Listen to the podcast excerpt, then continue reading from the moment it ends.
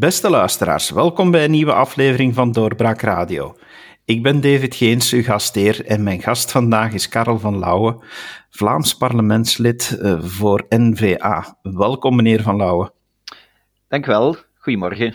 Moet ik u nu benoemen als Vlaams Brusselaar of Brusselse Vlaming?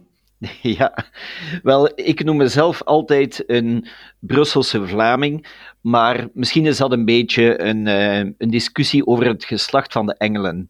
Uh, wat mij betreft uh, voel ik mij uiteraard Vlaming, betrokken bij de Vlaamse gemeenschap, maar natuurlijk, Brussel is mijn stad.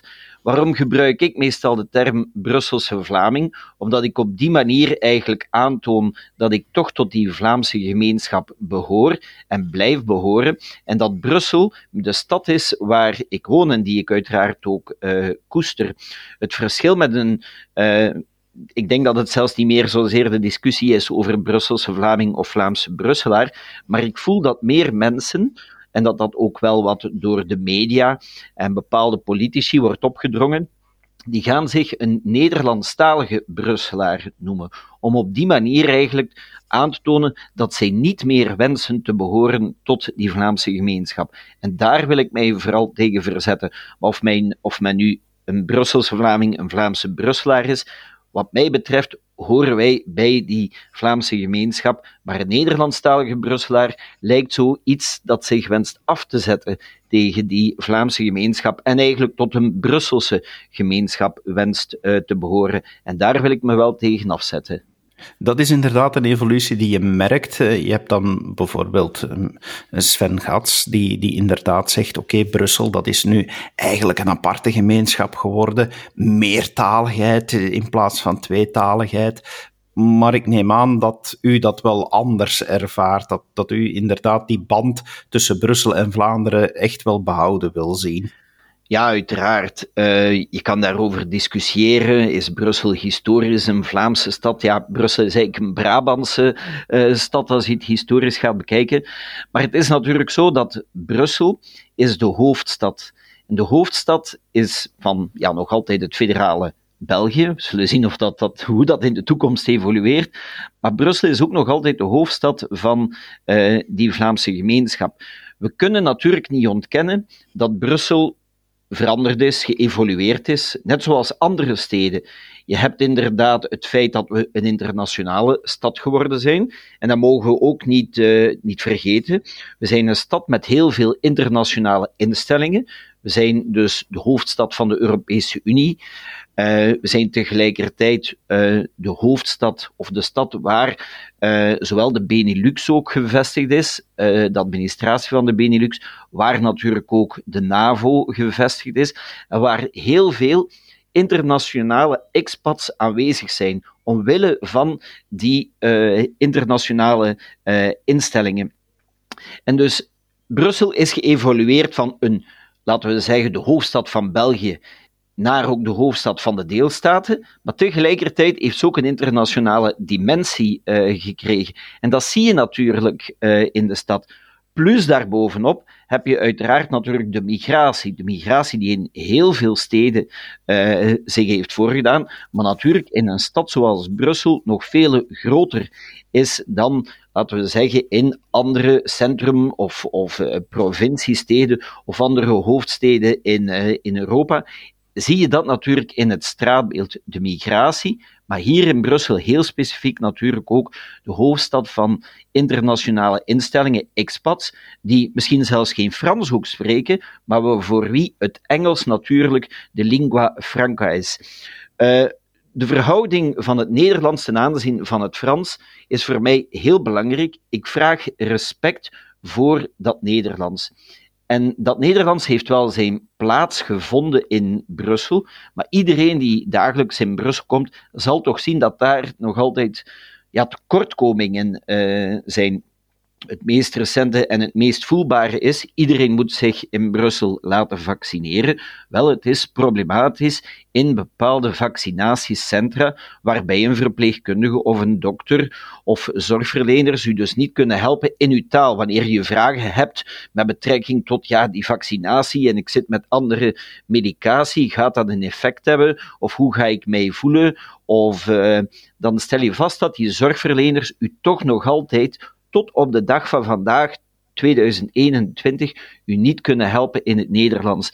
En dus enerzijds is er die internationale dimensie, die meertaligheid, maar dan stellen we vast dat eigenlijk in die dienstverlening, in die functionele dienstverlening die er moet zijn, dat die stad, dat gewest er niet in slaagt om zijn burgers nog maar in de twee officiële talen die er zijn in die stad u kunnen helpen. Dus wanneer inderdaad Sven Gats, minister van Meertaligheid, zegt: ja, we moeten realistisch zijn. We leven in een internationale uh, stad waar meerdere talen hun plaats uh, hebben, maar er niet in slaagt om eigenlijk de twee officiële talen te doen naleven, dan faalt hij natuurlijk in, uh, in zijn beleid. En wanneer, daar spelen uiteraard de Franstaligen op in. Het Frans is uiteraard een taal die ook zeker uh, bij, bij expats toch wel enigszins beter gekend is dan het Nederlands. En op die manier ga je natuurlijk wel uh, de indruk geven, Brussel is een Franstalige stad waar andere talen gedoogd worden. Het Nederlands wordt daar gedoogd en wordt gesproken, maar het Engels ook. Maar je gaat eigenlijk twee zaken door elkaar vermengen. Een internationale meertalige dimensie, maar die tweetaligheid die er officieel moet zijn, wordt op die manier weggeduwd, uh, die wordt verdrongen. En dat is bijzonder jammer dat politici ik, dat politici daaraan aan meedoen. We zien dat bij Sven Gats, we zagen dat al bij uh, Guy van Engel en, en Pascal Smet, meestal ja, van de, ja, de linksliberale zijde, de, de, laten we zeggen, uh, ja, de, de, de, verruimers die, het, dat, ja, dat eng vinden wanneer je eigenlijk gewoon vraagt dat je in het Nederlands zou bediend worden. Men, men gaat dat wat verengen en men gaat dat wat ridiculiseren, uh, die, uh, die houding. En dat is nefast eigenlijk voor de positie van uh, het Nederlands. En Franstaligen spelen daarop in. Die vinden dat, die vinden dat prima. De meertaligheid bij Franstaligen is ook meestal ondermaats, uh, maar zij vinden het prima wanneer Vlamingen op die manier eigenlijk het Nederlands als een onderges in een ondergeschikte positie willen, willen zetten. Officieel zou je kunnen zeggen, er zijn politici in Brussel die het Nederlands eigenlijk aanzien als een faciliteit, zoals in de randgemeente, in de faciliteitengemeente, als een faciliteit, maar ook niet meer, niet officieel als een gelijkwaardige tweede taal, maar ondergeschikt als een faciliteit. En daar zullen wij, ikzelf zeker mij uh, zal tegen verzetten. Uh, ik vraag het respect, dat gaat over de gemeenteraad waar ik in zetel. Dat, vraag, dat gaat over de dienstverlening van de politieagent, van de zorgverlening, in de hospitalen. Dat gaat over alles waarbij je eigenlijk in contact komt uh, met, met de overheid. Voor mij is het heel eenvoudig. Als ik naar een winkel ga en men kan mij niet in het Nederlands eh, bedienen, dan is men mij kwijt als klant. Dat zou eigenlijk ook de houding moeten zijn. En heel wat handelaars beseffen, we moeten toch zorgen dat we tweetalig zijn. Maar die overheid, gedomineerd door Franstaligen, en waar eigenlijk ook die internationale gemeenschap niet in betrokken is. Hè? Want die internationale gemeenschap die hier leeft, van die expats, die trekt zich eigenlijk bijzonder weinig aan van die lokale, gewestelijke of Brusselse uh, politiek. Die leeft daar zo wat naast. Die kijkt daar misschien ook wel wat op, uh, op neer. En daarom moeten wij als Vlamingen in Brussel blijven hameren op dat respect voor, uh, voor het Nederlands, op eigenlijk ja, nog steeds die naleving van die taalwetten. En dat wordt al te gemakkelijk door de mainstream media afgedaan als ja, dat is een oud zeer, of we moeten die taalwet, ja, kom, de Vlamingen kunnen toch wel Frans, welke Brusselse Vlaming kan u, kan u geen Frans? Dat wordt zo afgedaan, maar op die manier is dat wederzijds respect uh, er niet meer. Ik kan mij fundamenteel ergeren wanneer een burgemeester of een schepen in mijn gemeente, Ganshoorn, er niet niet in slaagt om een eenvoudige vraag in het Nederlands uh, te beantwoorden. Dat is onbegrijpelijk, maar dat is de realiteit. En ik heb niet de indruk dat dat bij die bestuurders in Brussel uh, verbetert. Daar moeten we als Vlaming blijven tegen ingaan, op onze, op onze rechten staan. Van de expats moeten we het niet verwachten. Van de Franstaligen in Brussel moeten we het niet verwachten. Van de nieuwkomers in Brussel, de, uh, migranten, moeten we het uh, niet verwachten. Alhoewel dat daar soms wel een bepaalde houding is van kinderen die naar het Nederlandstalig onderwijs zijn gegaan en die heel vlot switchen van Nederlands naar Frans of naar hun, hun moedertaal. Maar we zullen zelf op onze strepen moeten staan. En dan is het jammer dat we bepaalde politici hebben, Vlamingen ook in Brussel, die zich daar tegen, tegen afzetten. Er wordt momenteel heel veel over Brussel gesproken, want ja, hoewel we dit is natuurlijk een beetje raar. Hè. We, we, weten dat er een staatshervorming moet komen. Er zijn twee federale ministers die daarmee bezig zijn, maar grootste dingen eh, kondigen die niet aan. Men, uh, men spreekt nu wel van een burgerinitiatief, maar wanneer er hier en daar een ballonnetje wordt opgeladen, dan, uh, dan merk je heel vaak dat Brussel daar toch een belangrijke rol in speelt. Hè. We hebben al de 2 plus 2 gehad, de, waar, waar anderen dan op reageren. Nee, het moet met 4 zijn. Hoe ziet u de toekomst voor Brussel? Wat, uh, wat denkt u dat de, dat de goede oplossing is om, om verder te kunnen gaan in die institutionele knoop? Ja, wel, onze oplossing, ik, ik zal het is een, ja, een toverwoord is het niet, maar het is een, een, een magisch woord. Dat is uiteraard die confederale uh, omslag die wat ons betreft gekoppeld moet zijn aan die Brusselkeuze, die uh, gemeenschapskeuze in Brussel. Ik ga er zelfs op terugkomen, maar ik wil natuurlijk ook eerst voor de luisteraars nog eens zeggen hoe ingewikkeld Brussel in elkaar zit. We zijn een gewest, één gewest waar dat we gewestbevoegdheden hebben, net zoals het Vlaams gewest, het Waals gewest. Dat zijn dan de plaatsgebonden bevoegdheden. Dat gaat van economie, ruimtelijke ordening en, de, en dergelijke meer. Maar we zijn ook een gewest met 19 gemeenten, wat we altijd uh, de 19 baronieën noemen die hebben gemeentelijke autonomie, dus toch ook wel bijzonder veel macht. Die hebben een veiligheidsbevoegdheid, die hebben een mobiliteitsbevoegdheid, die hebben fiscale bevoegdheid. En in dat kleine Brussel, qua oppervlakte uiteraard wel met 1,3 miljoen mensen, maar qua oppervlakte, ik denk ongeveer even groot als uh, de gemeente of de stad Dixmuiden. Dus qua oppervlakte nu niet echt bijzonder uh, groot. Ik denk in doorsnede dat je 15, 16 kilometer hebt en je bent van de ene kant van Brussel aan de andere uh, gewestgrens. Je hebt die 19 gemeenten, je hebt die zes politiezones, dus een fusie dan van enkele gemeenten dan op veiligheidsbeleid met een politieraad, politiezone. Je hebt dan uh, binnen dat gewest natuurlijk nog de gemeenschappelijke gemeenschapscommissie, je hebt de Vlaamse gemeenschapscommissie en je hebt de Franse gemeenschapscommissie. Dus binnen het gewest nog eens opgesplitst. Dus dat is eigenlijk zie je het bos door de bomen gewoonweg niet meer. Je weet nooit wie is er nu voor wat bevoegd. Want nu in de gezondheids, in de coronacrisis werd er altijd gezegd, god, het is toch wel ingewikkeld dit land. Nu aan de Vlaamse kant is dat eigenlijk relatief eenvoudig. Gemeenschap gewest gefusioneerd. Franstalige kant, daar is het bijzonder complex.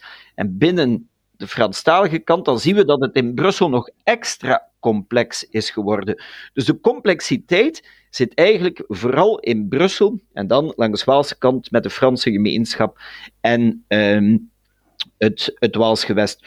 Dus wanneer je gaat naar een vereenvoudiging, minder structuren, dan moet je durven snoeien.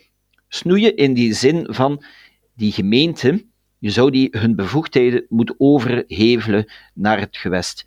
Die gemeenten kunnen misschien bestaan als in districtsvorm, zoals in Antwerpen er districten bestaan, met een burgemeester die een bevoegdheid heeft om huwelijken af te eh, sluiten, een bevoegdheid met betrekking tot bevolking, overlijdensactes, uh, huwelijken afsluiten, geboorteactes en dergelijke meer, en die een bepaalde voeling behoudt, maar waarbij de relevante bevoegdheden worden overgeheveld naar dat Brussels stedelijk gewestelijk uh, niveau. Ik, ik doe de vergelijking met Antwerpen. aan Franstaligen doe ik de vergelijking met Parijs, les arrondissements. Daar is er ook een maire, burgemeester op arrondissementeel niveau, maar die heeft niet diezelfde bevoegdheden als de Parijse burgemeester, die eigenlijk als een primus inter pares boven uh, die lokale arrondissementele burgemeesters. Maar je behoudt dus een kleine districtsburgemeester, uh, uh, een districtsschepen. Dat zal niet dezelfde bevoegdheid hebben als een burgemeester of schepen in, in de rest van het land. Maar je hevelt die bevoegdheden en je komt de facto tot een fusie, tot één groot uh, Brussel. Wanneer Brussel dan, wanneer bepaalde mensen daarop zeggen van ja, maar uh, je, moet, uh, je moet toch ons respecteren als een, een, een région à part entière, dan zeg ik, ja, maar wij willen eigenlijk Brussel nog versterken. Wij willen extra bevoegdheden geven, vooral in functie van een beter en een efficiënter bestuur. Ik woon in Brussel-West. Daar vallen verschillende gemeenten. Dat is de gemeente Gansoren, Jette, Molenbeek, Sint-Agatha-Berchem. Maar ik kan u zeggen dat er wel degelijk wat verschillen bestaan. Dan heb je ook uh, Brussel, hoofdstad Elsene. Dan heb je uh, eveneens Brussel-Zuid met Anderlecht, Vorst, uh, Sint-Gilles. En dan heb je wat dan genoemd wordt uh, de gemeente Ukkel, Watermaal, Bosvoorde, Oudergem, waar er een totaal andere problematiek levert. Men is daar meer bezig met de veiligheid van de ambassades dan de problematiek die er leeft in Curegem of de problematiek die er leeft in, in Molenbeek. Maak een echt stedelijk weefsel, waarbij iedereen eigenlijk die sociale cohesie versterkt wordt. Want laten we eerlijk zijn, die van Ukkel willen natuurlijk liever niet met Forst, Sint-Gilles of Anderlecht, want daar hebben ze andere problemen. Dus ze zien eigenlijk graag die gemeentegrenzen en ze hebben graag een, een eigen politie. Ik verwoord het een beetje zoals Freddy Tielemans, toch een uh, ja, kleurrijk figuur en gewezen burgemeester van stad Brussel zei ce sont mes flics. Dus hij zag zich als de sheriff, de burgemeester, die zijn eigen politiekorps moest hebben voor stad Brussel. Hij zou wel moeten fusioneren met Elsene, omdat de Louise-Laan de gemeente Elsene in twee snijdt. Er is dus wel een politiezone Brussel, hoofdstad Elsene, maar zij zagen dat nog steeds een burgemeester heeft die macht over les flics, ce sont mes flics, zei hij altijd. En eigenlijk dat dat echt, het zijn bijna dorpspolitici, dat blijft te veel bestaan op dat uh, lokale niveau. Dus om terug te komen, vereenvoudig het. Maak een stadsgewest. Geef bevoegdheden van die gemeente aan dat gewest. Dus beperk die gemeentelijke autonomie en de facto zorg voor een fusie. Tegelijkertijd de politiezones. Het is natuurlijk onvoorstelbaar dat je zes politiezones en op die manier zes verschillende uh, uh, veiligheidsproblematieken moet aanpakken. Je moet zorgen voor één veiligheidsbeleid. Hetzelfde voor de OCMW's.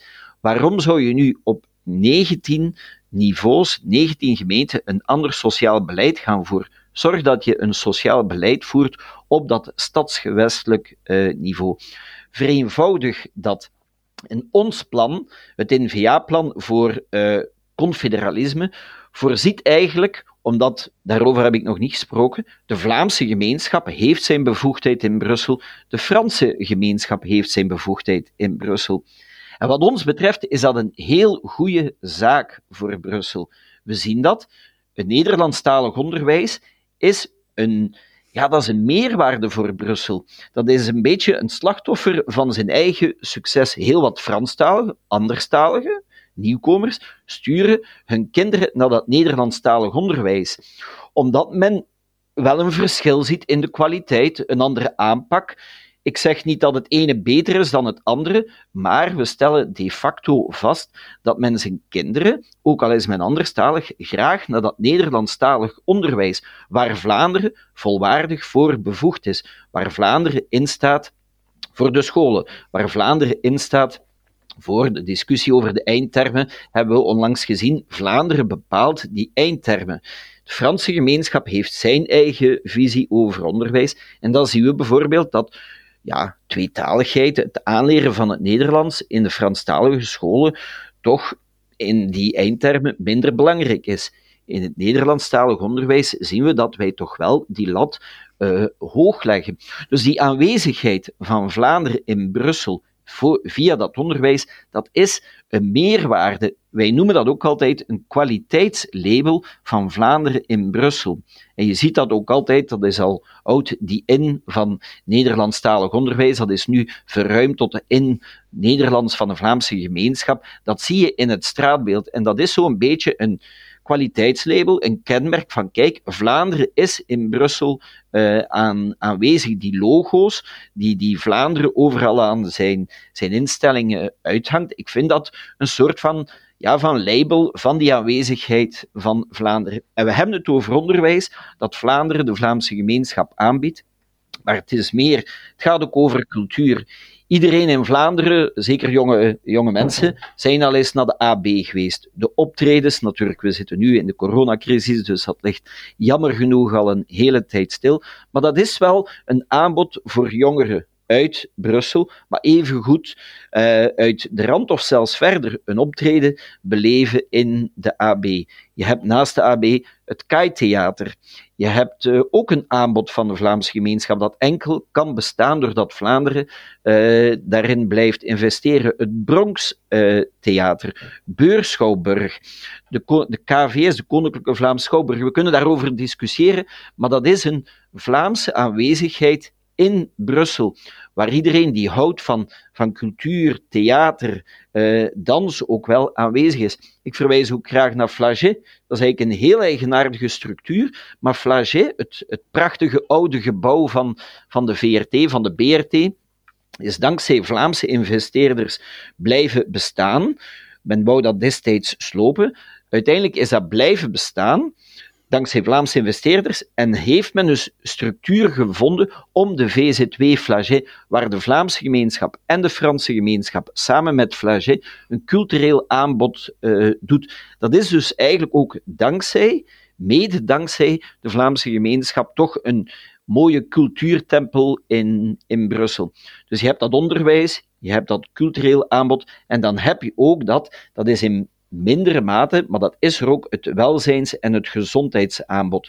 Wij hebben universiteit, de Vrije Universiteit Brussel, die heeft zijn universitair ziekenhuis uh, in Jette. Er zijn ook welzijnsinstellingen die puur Nederlandstalig zijn, omdat we vaststellen dat bij andere OCMW-rusthuizen, of woonzorgcentra, dat die tweetaligheid, die Nederlandstaligheid, niet gegarandeerd kan worden, heeft Vlaanderen toch ook blijvend geïnvesteerd voor die, die oudere Brusselse Vlamingen die we niet zomaar aan hun lot wensen over te laten, maar er zijn Nederlandstalige woonzorgcentra waar de dienstverlening in het Nederlands, dat daar wel eens Frans zal gepraat worden, geen probleem. Maar je kan erop rekenen dat je daar een dokter hebt, een verpleegkundige, een kinesist, die u in het Nederlands uh, kan bedienen. Dus daarom is die aanwezigheid van die Vlaamse gemeenschap noodzakelijk. En om nu terug te keren naar mijn verhaal, onze visie op Brussel is: maak daar een stadsgewest van, fusioneer, draag bevoegdheden over, zorg voor lokale districten, dat er wel inderdaad een, een voeling kan zijn voor puur lokale zaken, maar maak een sterk stadsgewest waar dan natuurlijk een vertegenwoordiging moet zijn, een gegarandeerde vertegenwoordiging moet zijn van de Vlamingen op dat stadsgewestelijk niveau, met ministers, met een, een gegarandeerde vertegenwoordiging van uh, uh, parlementairen die de controle kunnen uitoefenen, maar zorg er tegelijkertijd voor dat Vlaanderen bevoegd blijft voor wat ze nu al heeft: onderwijs, cultuur, welzijn op dit ogenblik is het zo dat Vlaanderen 1 miljard euro per jaar blijft investeren in Brussel, in die drie domeinen.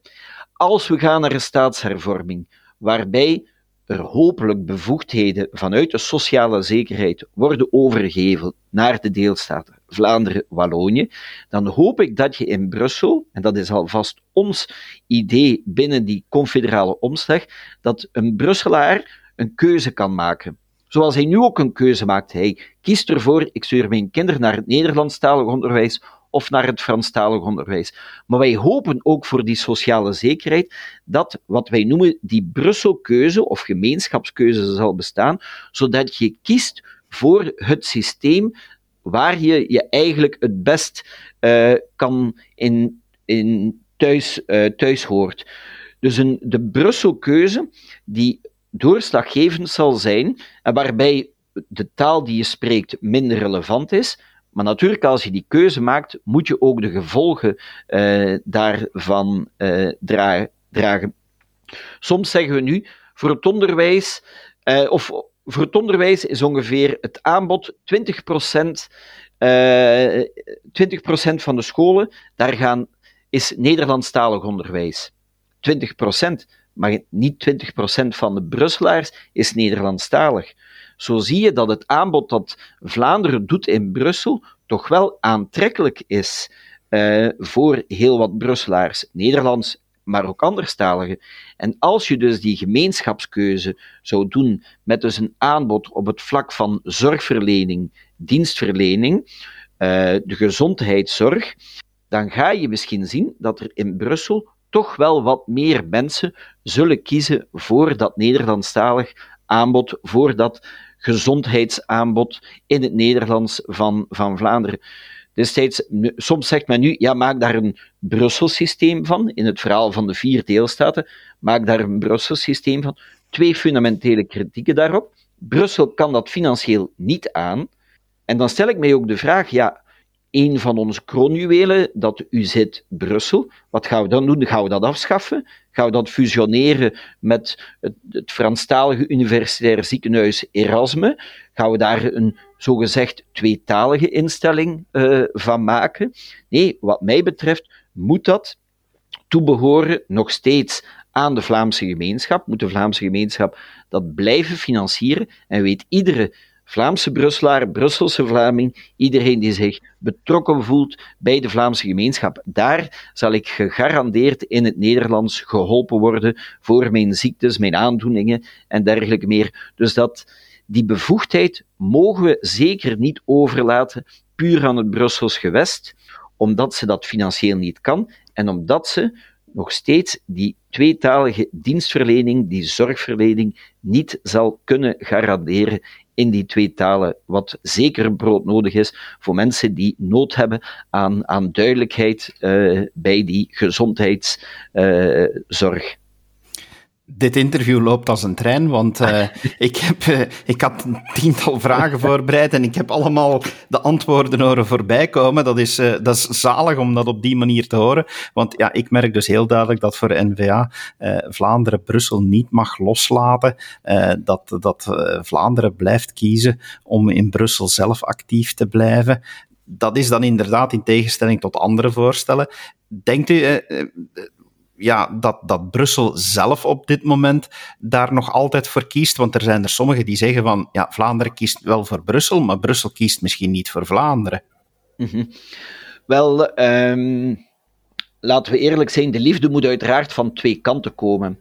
Uh, wat mijn partij betreft, wij willen Brussel omarmen en Brussel hoort wat ons betreft gedeeltelijk ook ons toe. Brussel is ook uh, onze stad. Natuurlijk zien we in Brussel wel een soort afstandelijkheid uh, naar Vlaanderen, die ook soms wel in, in, in Vlaanderen leeft.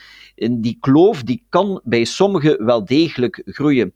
Maar wanneer men telkens spreekt over die vier deelstaten, dat volwaardig Brussels gewest, en men begint te redeneren, dan beseft men als men zegt we gaan die band doorknippen, we worden zelf ervoor verantwoordelijk, wat eigenlijk zou neerkomen op toch wel een, een, een verlies voor Brussel.